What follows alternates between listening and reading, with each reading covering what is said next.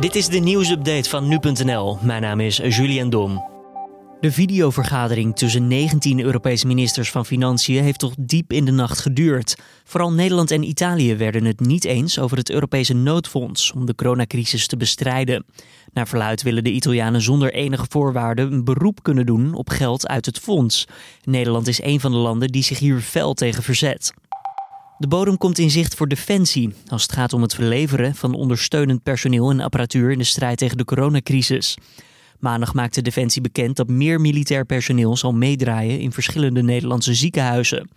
De krijgsmacht heeft medisch personeel echter ook zelf nodig, voor missies in bijvoorbeeld Afghanistan en voor ondersteunende hulp in het Caribisch gebied, waardoor nu schaarste dreigt te ontstaan. Een woordvoerder van Defensie benadrukt dat los van de medische inzet er nog vele andere taken zijn en dat die nog prima uitgevoerd kunnen worden. Het kabinet weet niet hoe lang het nog zal duren voordat coronamaatregelen kunnen worden versoepeld. Hou vol en blijf zoveel mogelijk thuis. Ook in het komende paasweekend. Het adagium blijft geen onnodige reizen. Ook geen onnodig grensverkeer. Rutte verwees ook naar de laatste cijfers waaruit blijkt dat er sprake is van een afvlakking van het aantal IC-patiënten, maar waarschuwde voor verslapping. De afgekondigde coronamaatregelen gelden in ieder geval tot en met 28 april. Het kabinet neemt op 21 april een besluit over de verlenging of versoepeling van de maatregelen. Al moet er volgens de premier rekening mee worden gehouden dat de maatregelen verlengd zullen worden.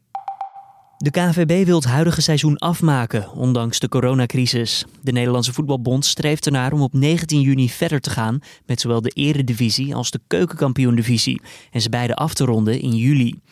De KNVB benadrukt wel opnieuw dat de haalbaarheid van het plan wordt bepaald door de visie van het RIVM en dat er niet eerder gevoetbald zal worden dan volgens het Gezondheidsinstituut veilig is. De clubs in de eredivisie zijn behoorlijk verdeeld over de afloop van dit seizoen.